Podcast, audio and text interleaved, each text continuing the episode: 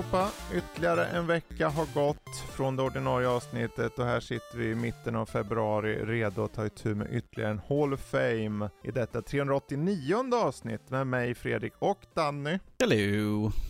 Ja, mysigt. Mm. Det är ju som vanligt, det här är ju Nördlivs pågående lista då, där vi listar de mest betydelsefulla spelen genom tiderna. Det är spel som definierar sin genre, eller tiden de kom i, eller hela spelindustrin i sig självt. Um, och det är så här, vi sitter här med varsitt, man kommer, vi kommer göra som så att, som vanligt, att eh, vi kommer ha med varsitt individuellt spel som vi plockar fram och lyfter in på vår Hall of Fame. Men sedan kommer vi även tillsammans, som vi redan på förhand har valt ut, eh, plocka in ytterligare ett spel som vi gemensamt känner hör hemma på Nördlivs Hall of Fame. Uh, ja, hur känns det så här mitten i februari? Tycker du att det är fint väder ute? Ja, det går an sådär. Det är synd att klaga egentligen sådär. Men det är februari, det är väder. Det är vad det är.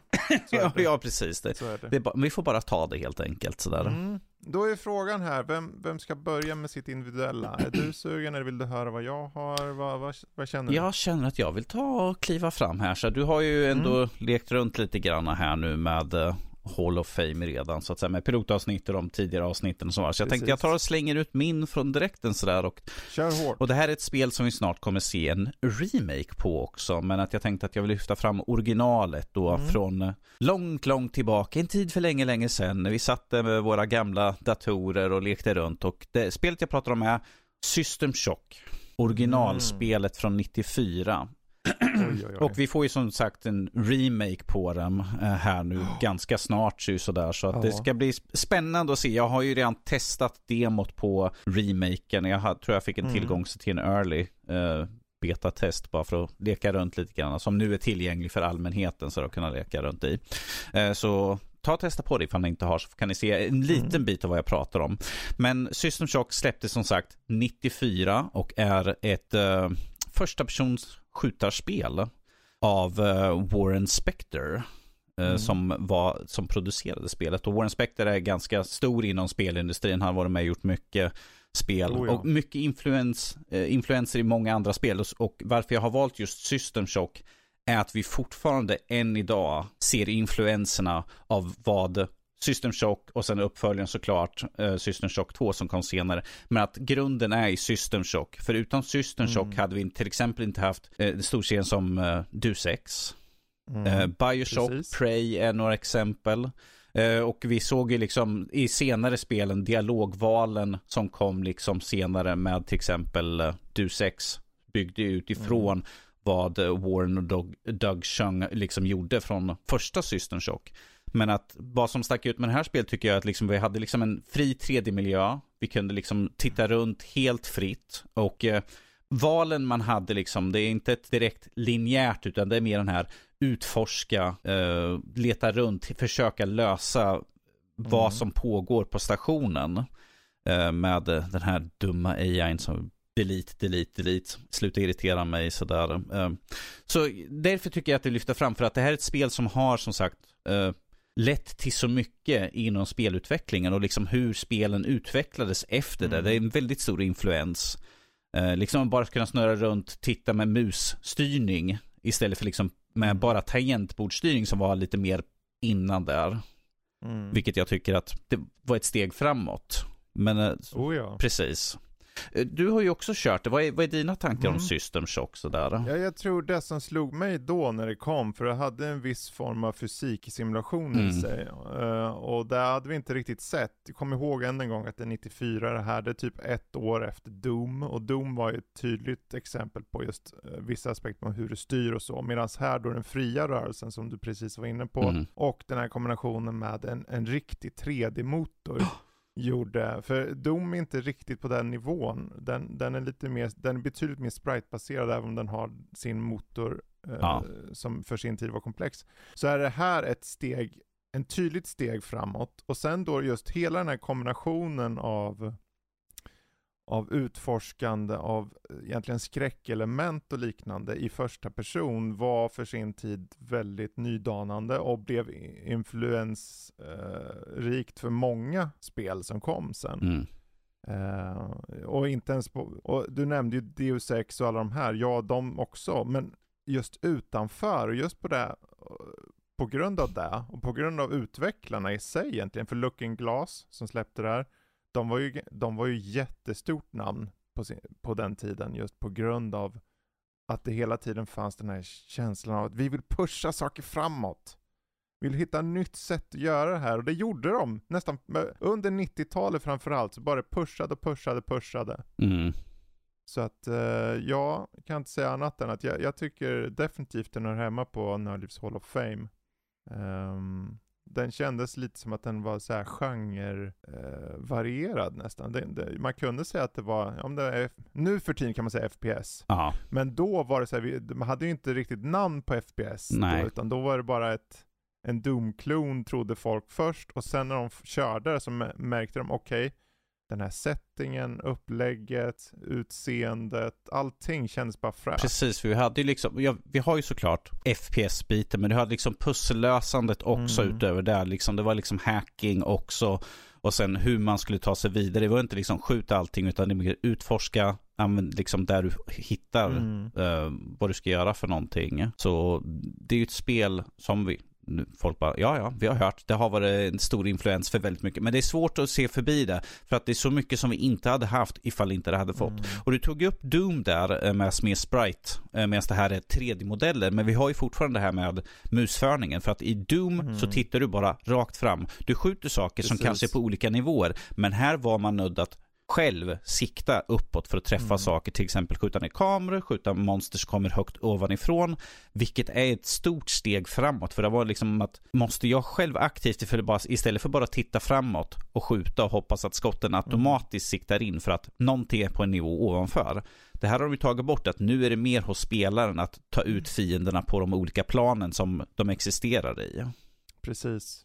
Och det är väl just det där, för om man eh, säger vad man vill om Doom, men det är inte som att det har den mest, eh, ja, bästa narrativet så. Det är liksom, du, du dödar saker bara egentligen. Mm. Och även om det fortfarande finns till viss del här, för det är ändå väldigt tidigt, ja. så fanns det ändå uh, ordentlig grund i, i berättelsen. Och det, jag menar bara, det var ju ren eh, survival horror eh, av det egentligen. Mm, du har Rogue AI Shodan liksom mm. som vill ta död på dig. Varför? Det vet man inte från början liksom. Det är liksom att man får mm. leta upp information, hacka sig runt, liksom bara hitta Precis. allt som finns. Uh, se vad som har hänt med de andra som finns på stationen. Så jag mm. menar, på sitt sätt så var det ju ganska revolutionerande, även bara det aspektet liksom. Visst, Doom, det är liksom, ja men det är demoner från helvetet. Okej, vi har mm. inget mer. Här är liksom, varför har, har liksom de mm. muterats? Varför har vi de här monstren funnits? Varför är Shodan liksom så tokig? Vad finns bakgrunden mm. där? Det är lite mer djup på det hela, liksom, ja men demoner har kommit till världen. Okej, då måste vi ta död på dem, för annars kommer helvetet bryta ut. Här Precis. har vi inte riktigt den enkla basen, liksom att skjuta allt som rör sig på. Här är mer, varför har det hänt? Precis, och sen att progressionen i sig var eh, mer eller mindre icke-linjär mm. betydde att det var väldigt mycket friare. Ja. Bara den friheten, för även du har, jag menar i Doom så har du, eller andra FPS av den tiden så var det, okej okay, gå till den här platsen och ta nyckel X och sen går du till dörren och låser upp. Mm. Under resans gång dödar du allt som rör på sig typ. Ja. Men här var det betydligt mer multifacetterat på något sätt. Ja. Men um, ja, bra spel. Eh, det blir kul att faktiskt föra in den här. Det, det känns som att den här kommer uh, höra hemma där. Jag, jag går hårt ut med ett utav, ett utav spelen som har liksom betytt ganska mycket för liksom FPS, mm. utforska spel, liksom narrativa spel på nästkommande, liksom de framtida iterationer som kommer efter det. Så att jag går hårt ut så det blir svårt att toppa liksom, känner jag, framöver. Men som sagt, det, det, här är en, det här är ju en mixgenre så att säga. Så det finns ju massor med ja. genrer som man kan lyfta så många andra ja, spel Ja, apropå där, innan vi avslutar just System Shock. Just den här eh, fusionen mellan genrer var ju någonting som var, alltså det var ju, de såg det som experimenterande mm. mer eller mindre. Men det satte och det är därför det är en så viktig titel. Det satte just den här idén hos utvecklare att okej, okay, vi kan blanda genrer. För innan så alla de här Doom-klonerna betydde bara okej, okay, run and gun. Ja. Bara spring och skjut. Och, och Doom har sin plats, vem vet, vi kanske kommer till det. Ja. Men det är liksom, det förde vidare och det var därför det är så viktigt. Mm. Det är därför det är så viktigt. Bara en sista tidbit. det här var inte en success, det här spelet. Mm. Det här sålde vad var det, 170, 170, 170 000 kopior eller något sånt där. Vilket ifall man ser i dagens standard är ju liksom absolut ingenting. För den tiden Mm. Visst, det var väldigt mycket färre gamers på det sättet då, men att det var fortfarande inte tillräckligt. Att... Ja, de, de tjänar ju inte pengar Nej. på att gjorde de det. Var ju... Men det, de, det höll dem flytande för att kunna göra uppföljare och andra spel. Ja. Det var en bra start där. Eh, bra, men eh, då så, då hoppar jag över till eh, mitt spel och vi hoppar egentligen eh, bara ett par år fram faktiskt mm. till 1997 eh, när ett spel dimper ner och säger du det här med hur man gör en genre, det bestämmer vi. okay. Vi bestämmer att man bara trycker med muspekaren och sen så har du ihjäl de där jävla skeletten. Mm -hmm. I Diablo. I Diablo. Och really, nu går vi, vi går verkligen old school här nu båda två. Ja, så. Visst.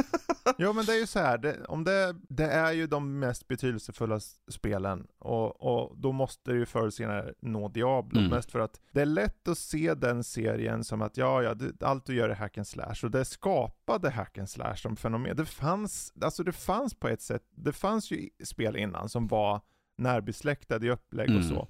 Men det var med Blizzards eh, Diablo som på riktigt, de satte inte bara tonen för hur ett hack and slash ska vara rent effektivt sett så. Eh, och då menar jag alltså hur du som spelare får det där suget med att okej, okay, jag ska bara hitta en bok till, jag ska bara hitta den här grottan, eller gå in i vad det är för någonting. Mm. Och sen så att det är slumpmässigt där nere med hur nivåer ser ut var ju att det fick spelare bara köra om och köra om och köra om. Um, och jag tänker att just den här random-grejen av hur världar ser ut, eh, eller världar under jorden, för det var där de, de olika som. nivåerna. Tristram var ju likadant. Precis. Men eh, just den aspekten, och framförallt multiplayer som var fokuserad på co-op, eh, gjorde att att det slog så jävla hårt. Man kan lätt tänka idag så här, men det, det, ser väldigt basic ut och jag kan tänka mig att det är nog basic att köra det. Jag hoppas på en remake på första, det vore kul. Eftersom vi, fick, eftersom vi fick tvåan så, jag menar det är ju inte helt omöjligt. Precis. Men det satte ju egentligen så, och de sa ju efter det, ja men Diablo-klon sa vissa ibland, jag menar det kom, jag kommer ihåg en bunt olika spel som kom i efterdyningarna, mm. alltså under den perioden, så med många av de här spelen som vi tar, så blir, blir det mer eller mindre att de skapar genrer. Mm. Och, och, att folk inte vet vad genren ska heta, då säger de bara hm, klon. Liksom. Precis. Um, men just det här blandningen av att du liksom hittar items, du lär dig spells, eh, du slår ner fiender och du interagerar med NPCer. Det var ju inte som att det var i sig nytt, jag menar vi har ju haft rollspel innan, Dungeon Master ett gäng år mm. innan. Um, men det var här då just den här direktheten, den här direkta tillfredsställelsen, en förgjorda klasser och allting var så approachable för vem som helst. Att eh, jag tror många fick det som en av sina favoritspel, eh, liksom genom tiderna, på grund av det. Um, och det är just det där, just hur, hur den lyckas ploga upp eh, ett spår för andra att följa i. Och Blizzard var ju många gånger där och höll på just med idén om att göra så, att mm. hitta, hitta, ett nytt koncept. Um, och sen har vi ju fått en serie som har släppts med intervaller Även om eh, Diablo 2 som vi potentiellt kommer till en annan gång eh, bara släpptes tre år efter det här så var det ändå efter Diablo 2 tog det ju 12 år och sen så väntar vi nu i år uppföljaren fjärde spelet. Eh, och då har det ytterligare gått typ nästan 12 år sedan trean liksom. Mm. Så att eh, de tar sin tid. Jag vet inte, vad har du för några minnen av första Diablo? Ja, det är ju mest man kommer in, kliver in första gången. Hello my friend, stay a while and listen. Man bara, okej okay, nu är vi igång. Och först, och någonting också som, eh, om vi förbiser själva gameplay och allt sånt där, är musiken mm. egentligen. Väldigt oh, ja. stämningsfulla musiken, liksom bara när man kliver in i Tristram, liksom bara den ikoniska musiken. När vi såg mm. trailers för trean till exempel och fyran, liksom man ser influensen av gamla musiken, man bara okej okay, det här känns rätt på det sättet. Så att det är ju, det är ju en basisk sak liksom bak i ryggraden liksom att det här är Diablo. Mm. Det är ju någonting, det är ju någonting där. lätta gitarren som har en ödesmättad ton liksom. Precis. Och sen du nämnde ju det här att det liksom när man går ner nivå för nivå att de är ju aldrig detsamma. Plus att man har tre olika karaktärer man kan välja. Mm. Eh, du har krigaren, du har rogue och du har en trollkar. Så att man fick mm. ju liksom tre olika sätt att ta sig an. Och jag menar en del var kanske bättre på att liksom, ta sig an flera fiender samtidigt med eh, som till exempel en warrior, han kunde liksom skutta in och ta sig an tre, fyra, tio skelett liksom medan eh, till exempel trollkaren fick liksom ta allting på distans. Men att man levelade upp, lärde sig nya spells så kunde man ju ta, liksom skicka en sån här vägg av eld och man bara ni har ingen chans. Och sen liksom så här meat, meat, meat. Man bara, ah crap, jag kanske ska springa nu så här. ja, jag tänk, just det är väl helheten där, för du är inne på musiken och, och berättelsen i sig mm. då, det, det utspelar sig i riket Kanduras, som är liksom den mänskliga realmen, eller man kallar mm. uh, Och du är bara en enkel hjälte som ska då ta an Diablo som har hoppat upp ur underjorden Eh, och det låter så här enkelt, men de har sina film liksom CGI, så här, idag står de sig inte. Nej, gud nej. Absolut inte. Men det är så här, på den tiden så skapade allt det här parat med då det här, hur det ser ut rent grafiskt, trot eller ej, eh, och musiken så, eh, och ljudeffekter, blah, blah, när du har ihjäl de här monstren. Så skapar en sån jävla bra helhet, så att jag satt, jag kommer ihåg då, det var liksom under eh, slutet på 97 när det var, eh, det var liksom juletid och det var mörkt ute och man hörde dring, dring, gitarren och sen, blah, blah, och sen och det var en sån jävla tät stämning i det. Man bara, shit det går bra. Blup, och jag har fyllt på liv. Blup, mm. jag har fyllt på mer liv. Precis. Och det var just, de, de bara nailade alla aspekter med just vad de ville göra tror jag. Och eh, sen att då det skapade en hel genre är ju uppenbarligen varför den då eh, hör, hör hemma på Nördlivs Hall of Fame. Mm. Um, bra, jag vet inte om det är någon mer vi behöver addera på det. Ge oss en, ge oss en remake, det är allt vi kan ha att säga. Ja, en remake på första. För jag, jag saknar lite med det här, då hittade man ju spellbooks. Mm. Och det var slumpmässigt yes. också. Ibland hittar du inte den du, du kanske har alla spellbooks utom en och bara, varför har jag inte hittat den där sista jäveln? För jag, för jag menar, i trean så fanns ju det där special event när man kunde komma tillbaka till Tristram. Vilket, mm. som en gammal person som har spelat original, liksom man bara, oh, jag känner igen allting typ mer eller mindre. Det är liksom så här härligt. Det var ju en tidsbaserad. Jag har ingen aning ifall det är just, jag har inte spelat Diablo 3 på jättelänge nu, men att det var liksom bara kul att få hoppa tillbaka. Jag bara, och man bara, ah, jag vill ha det här igen. Ja, det är en del av kampanjen. Ja, precis. Ju... Nu ja, men jag, och man bara, jag vill ha det här igen, snälla. Visst, jag kan ja. leta upp min gamla, min gamla liksom skiva någonstans. Jag har collectors boxen liksom originalet sådär någonstans sådär. Och, men ja, jag bara, ja, jag, jag, jag, har det men, liksom. ja just det, jag har ingen jag har ingen skivläsare i datorn. Ja, och så. även om du får in det så Windows 10 vet jag Nej. inte om det funkar i. Visst, jag kan ju säkert boota upp det, jag, jag, leka runt med massvis jävla andra sådana jävla, gå in i DOSbox eller något sånt där skit mm. och försöka. Men att det, det, det är nog mycket, som sagt, det finns ju ändå att få tag på, på deras eh, Blizzard Store så finns det ju få tag på väl. Så att därigenom... Jag hoppas det. Om inte annat så finns det på GOG. Ja, precis. Så För att... en hundring så får du både Hell, Diablo och Hellfire. Mm. Um, så att, och det är så här, det är bara självklart. Liksom.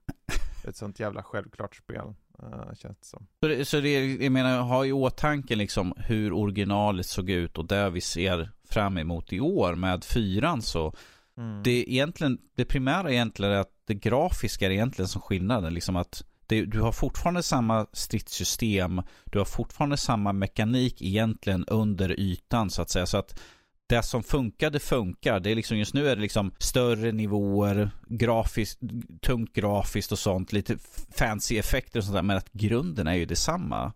Mm. Och det är ju så lång tid. Det här är 97, vi är 2013, eh, 2023 menar jag. Gud, det är en lång dag det här. 2023, så vi ser ju hur lång tid det har gått däremellan. Men att fortfarande, mekaniken fungerar fortfarande. Precis.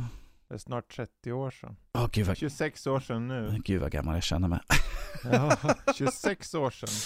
Men så här, det är ju de här typen av spel. Det här är just varför vi har Nördlivs Hall of Fame. Att kunna lyfta de här spelen och prata om dem. För att Ja, självklart så är det ju viktigt att säga att det är ju inte alla som kan sätta sig med det här idag och känna att det funkar för dem för att det är spel av sin tid. Ja. Så. Även om det här potentiellt skulle jag nog säga funkar. För jag tror att de flesta kan sätta sig med det här och känna, om det här är det, ja, han springer inte den här jävla karaktären, för han kan inte, de är, det kommer in i tvåan. Men, så att det går bara hela tiden. Ja. Men till och med det skapar lite effekt i det att du hela tiden jagad av liksom ja. en hård och nej, skelett. Precis, det kommer en hård skelett. Jag går i en rask takt ifrån ja. dem. jag går i rask takt rask härifrån. Takt. Tack för mig. uh, ja.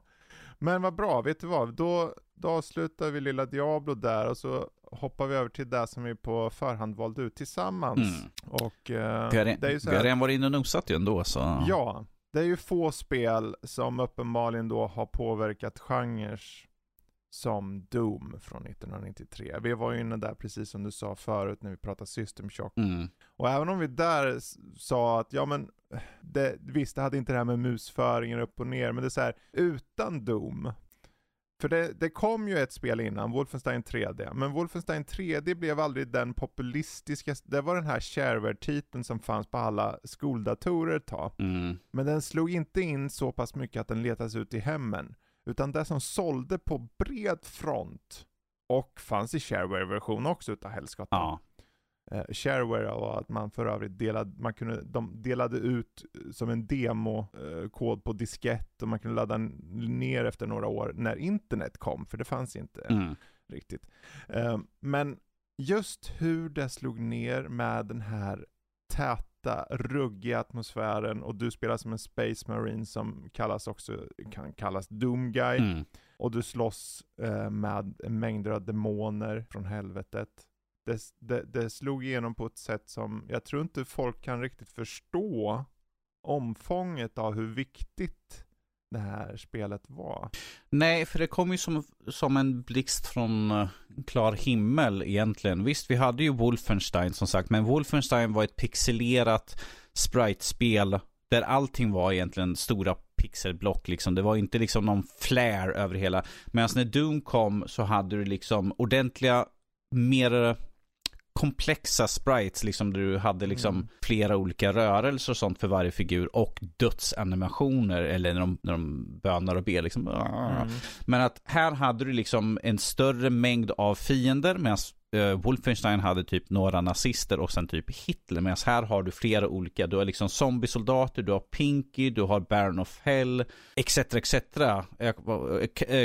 Kakademon har du också. Mm. Så att variationen där och sen har vi också bandesignen som var mm. betydligt, mm. för att Wolfenstein, det var korridorspring. Medan mm. här har du stora öppna områden där du har fiender kanske på andra sidan som liksom man ser liksom att de där kommer jag väl att ta mig an. Eh, du har syra som du kan skutta igenom för att plocka upp en armor eller något sånt där. Det är också en stor del. Vi har armor som man kunde lägga till sig. Du har fler vapen mm. än vad Wolfenstein hade. Så att bara därifrån gick vi till ett mycket mer köttigare spel. Och om vi ska prata köttighet så är motorsågen den köttigaste av dem allihopa. Så där är eh, Odödlighetskloten, jag kommer inte ihåg vad de heter exakt just nu. Så att det fanns ju betydligt mycket mer. Och även fast storyn kanske är den mest basic egentligen, men vad var Wolfensteins mm. historia? Tar ut döda Hitler. Medan här är liksom Precis. helvetet har öppnat upp en portal, demoner håller på att flöda in, liksom du ska ta död på dem, mer mm. eller mindre. Och som sagt, spelet är ju egentligen en eh, glorifierad köttningsmaskin. Det är egentligen mm. där det viktigaste är för en spelare, liksom vad vill du ha? Jag vill skjuta så mycket jag kan och här får du det. Och jag menar när vi har de här osynliga Pinky som man ser en skugga som kommer in, man bara okej, okay, det är någonting här. Ah shit, en osynlig fiende. Spring, spring, spring. Jag ser han knappt sådär liksom, vad ska man göra? Eller liksom, vad är den här knappen? Ja, men jag hittade en hemlighet. Det är också en av aspekten, hemligheterna på banorna egentligen. Du kunde hitta massvis med nya saker. Vapen, liksom ammunition och eh, sätt att få en, en, bättre armor till exempel. Så att det fanns ju massvis med intressanta saker som spelet gjorde egentligen. Visst, nu kommer mm. någon säga, ah, skjuta upp glasögonen. Alltså tekniskt sett så hade ju Wolfenstein massvis med hemligheter. Ja, ja, men du fick bara pengar egentligen och ammunition. Här är det liksom att, här kan du få nya vägar liksom ta dig fram. Kanske hitta ett nytt sätt att liksom ta dig runt en fiende eller något sånt där. Så jag tyckte precis. att det är liksom, och precis som jag tog med uh, Diablo så har vi den pumpande musiken som inte går mm. att förglömma. Vilket vi märkte med uh, de senaste Doom-spelen är någonting som de har försökt få till. Liksom den här tunga basen, tunga riff liksom som liksom ska pumpa upp blodet. Liksom bara åh, mörda. Och liksom på, på den tidens eh, ljudkort som man hade, det kanske inte var det liksom bästa ljudet man fick, men att banne mig när musiken slog igång och man mm. startade upp första var Man bara, nu jävlar, nu röjer vi. ja, nej men absolut. Det, det, alla de här sakerna du säger är ju tydliga poänger och jag tror att det, för mig så vart det så här väldigt tydligt när man kollar utanför spelmediumet. För det var nog där, för där Wolfenstein liksom letade sig in på speldatorer och så, så var det en kulturell påverkan som Doom gjorde. Det var på riktigt något som vem som helst helt plötsligt kunde prata om. Och, det, och hur de distribuerade liksom rent så här med shareware och allt mm. vad det mm. var, gjorde att det letades överallt. Och sen, jag menar, det påverkade ju folk på det sättet att det blev film av det, det blev böcker, det blev allt möjligt jox. Eh, och det skulle inte ha skett om inte spelet hade någonting som kändes unikt och fräscht. För även om man idag tänker, ja men konceptuellt, vad gör du? Du går runt och mördar allt som rör på sig mer eller mindre. Mm. Nu ska vi komma ihåg, okej okay, vilken tid befinner vi oss i? Det är tidigt 90-tal och eh, de här filurerna tänker att de ska släppa ett spel som har satanistiska jävla föremål i sig. Man ska, det ska vara köttigt utav helvete. Uh, herregud, som du nämnde själv. Mm. Motorsåg till och med, springer runt. Som gör det hela betydligt mer råare än något annat. Bara kontroversiell, hur kontroversiellt det var då med tanke på just det här gjorde Precis. Det, det är värt... ordet nästan spred sig ännu mer ja. då. Bara på, på tal om kontroversiellt, det här är första spelet som fick en M-rating, alltså M för mature, alltså typ vuxen nästan sådär. Mm. Det, det var ju väldigt kontroversiellt, du hade blodet, våldet, liksom satanistiska saker är som som sagt helvetet. Eh, vilket mm. inte går hem liksom hos eh, de som sätter eh, regler. Precis. Ja, det var så många aspekter här, för jag tror att just um, och det är därför det är så genreöverskridande på något sätt. För även om det på pappret egentligen är en, ja, eh, ett FPS då, ja.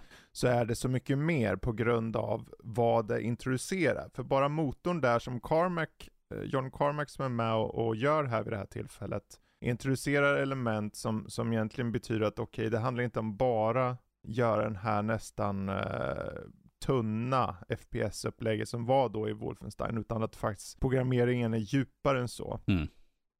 Och eh, när du då hade, för till skillnad från uh, Wolfenstein då som hade så här flat, liksom, tunna liksom, nivåer med väldigt satta vinklar, så, så lyckas de här då få olika vinklar med olika liksom, höjdskillnader och allting det fanns, det fanns en innovation som jag tror var så stor att, att det fick egentligen alla att tänka okej okay, vi måste också kunna göra något sånt här. Mm. Och så bara fortsätter den och jag menar bara att egentligen om man bara räknar år. När kom Half-Life? 97-98? Ja. På fem år så gick det från Doom till Half-Life som är full-on eh, berättelse. Men för att nå Half-Life så behöver vi Doom. Och och herregud, de hade ju till och med eh, ett, eh, ett belysningssystem som mer eller mindre eh, använder raytracing, mm. eller fungerar som raytracing i Doom. Det med att den kalkylerar då hur ljus ska röra sig. Så att all den här innovationen, hur det spred sig bland folket och hur det kom utanför, att till och med föräldrar, även om man, om man bortser från det kontroversiella, så var det ändå folk som sa, men det där är ett bra spel. Mm. Och de var inte gamers, för då på den tiden var det, sa ingen gamers. Nej, nörd sa de. ja, precis. Men det letas utanför och det blev lite för gemene man. Vem som helst kunde köra det. Och det var det, varför exploderade, för det var ju en succé. Mm. Verkligen. En succé på många, många plan. Um, och så har du ju skapat hela Doom-franchisen och, och precis som vi nämnde förut, man kallade ju FPS egentligen Doom-kloner, mycket mm. riktigt. Uh, så det, ja, det, det är spännande titel som definitivt är hemma på Nördlivs Hall of Fame. Uh, och det var egentligen bara en tidsfråga antar jag. Ja, jo. Så är det. Det finns flera spel som är en tidsfråga, det bör ni veta. Vi försöker få in lite mix, få lite variation. Så, men om ni tänker, men varför är inte spel X med? Ge det lite tid, det kommer med all säkerhet. Vi- De största kommer komma. Vi, vi på Nördliv är en eklektisk blandning av folk med olika Mm. smak och tycken så att det kan, eh, spel X kanske kommer senare. Som sagt, vi kanske tänker att jag vill ha med de här spelen Mm. som jag vill nämna först. Men att det, det spelet som ni tänker, varför har de inte sagt det? Det kanske är typ tre, fyra delar fram sådär. Det Ja. vet man ju aldrig. Och som sagt, beroende Ja. på vem som är med och vad de har liksom, vad de har valt att de vill ha med. Så att, Ja, precis. För vi tänker, jag tänker så här att eh, varje gång vi kör en Hall of Fame så utgår vi från de två personerna som är med och de två personernas smak så att vi kan luta in oss. Jag menar, är det matte så kanske är till exempel PK Klicka, är det jag så kanske är lite Diablo-liknande och, och så vidare och så vidare Mm. och så vidare.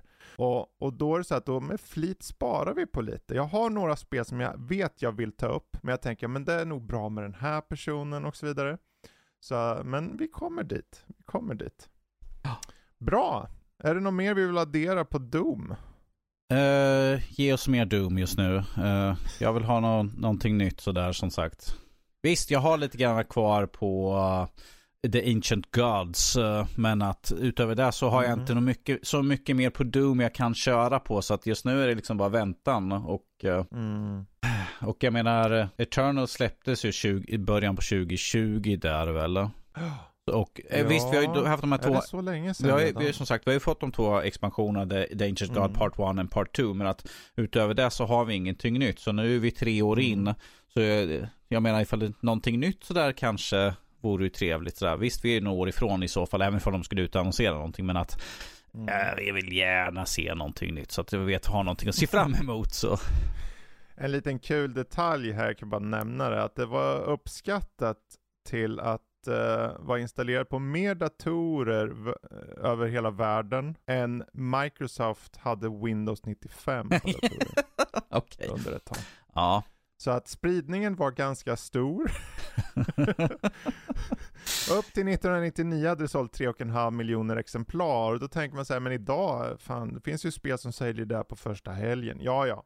Men det här är 93. Det här är precis 30 jäkla år sedan. ja. Och- Det var i sin vagga verkligen. Om vi tittar då där. på persondatorer, hur många som fanns per hem, det var ju extremt Mm. minimalt och i dagens läge så finns ju att i ett hushåll på tre personer så är det kanske två som har varsin dator. Ja. Typ. Ja, herregud. Här sitter jag. Jag har eh, tjejens dator bakom mig. Ungarna har varsin dator. Mm. Och så min dator. Fyra datorer. Ja, det är inte alla som har det så. Nej. Det är jag fullt medveten om. Men precis som du säger så är det betydligt vanligare. Mm. Men på den här tiden alltså.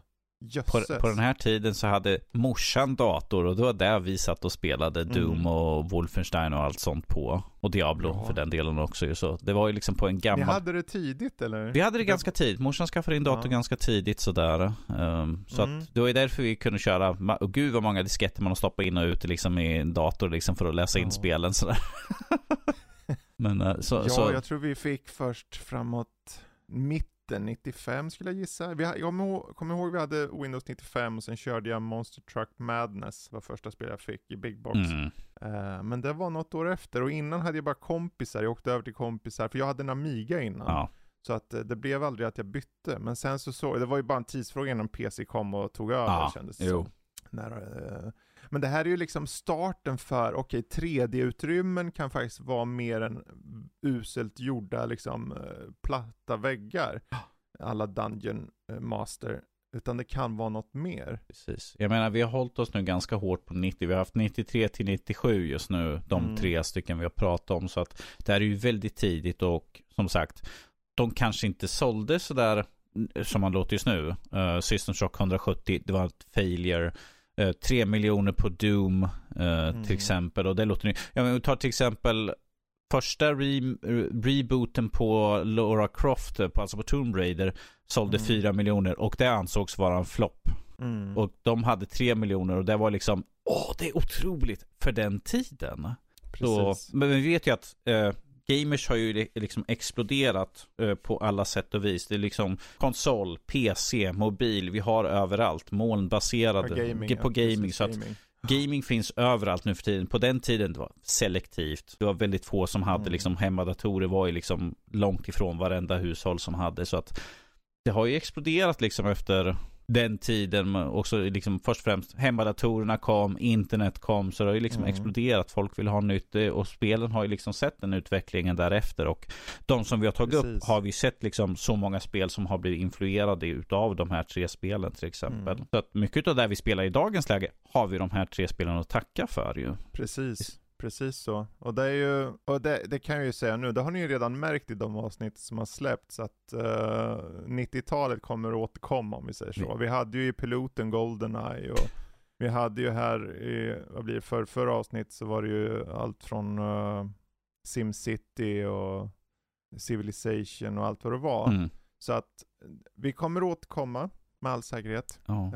Um, vi, vi, Bra, är, vi är gamla vad? rävar, det är därför det är, vi är gamla liksom... Men det är så här, det är ett betydelsefullt decennium för att det är då du skapar just, för att innan 90-talet så var det mest så att spel var kuriosa, det fanns ju, mm. men eh, då var det mer små hemmamaskiner och liknande. Och då, det slog aldrig riktigt ut och sen när, på, i början på 80-talet eller när det var när det dog ut på ett sätt och sen kom det tillbaka, det var så här, det, det fanns ingen som riktigt trodde på det. Men när 90-talet kommer in i eh, vardagen hos folk i den formen av en hemmadator eller liknande så börjar det slå ut på ett sätt som man inte hade räknat med. Och sen lägg till internet på det något år senare mm. i mitten av 90-talet och spridningen blir på, ett helt, på en helt annan nivå, varav shareware då. Um, och jag tror att just den perioden är viktig för varje spel som släpps då är, alltså nästan varje, det släpptes ju massor med jo, spel, ja, gud ja. Så.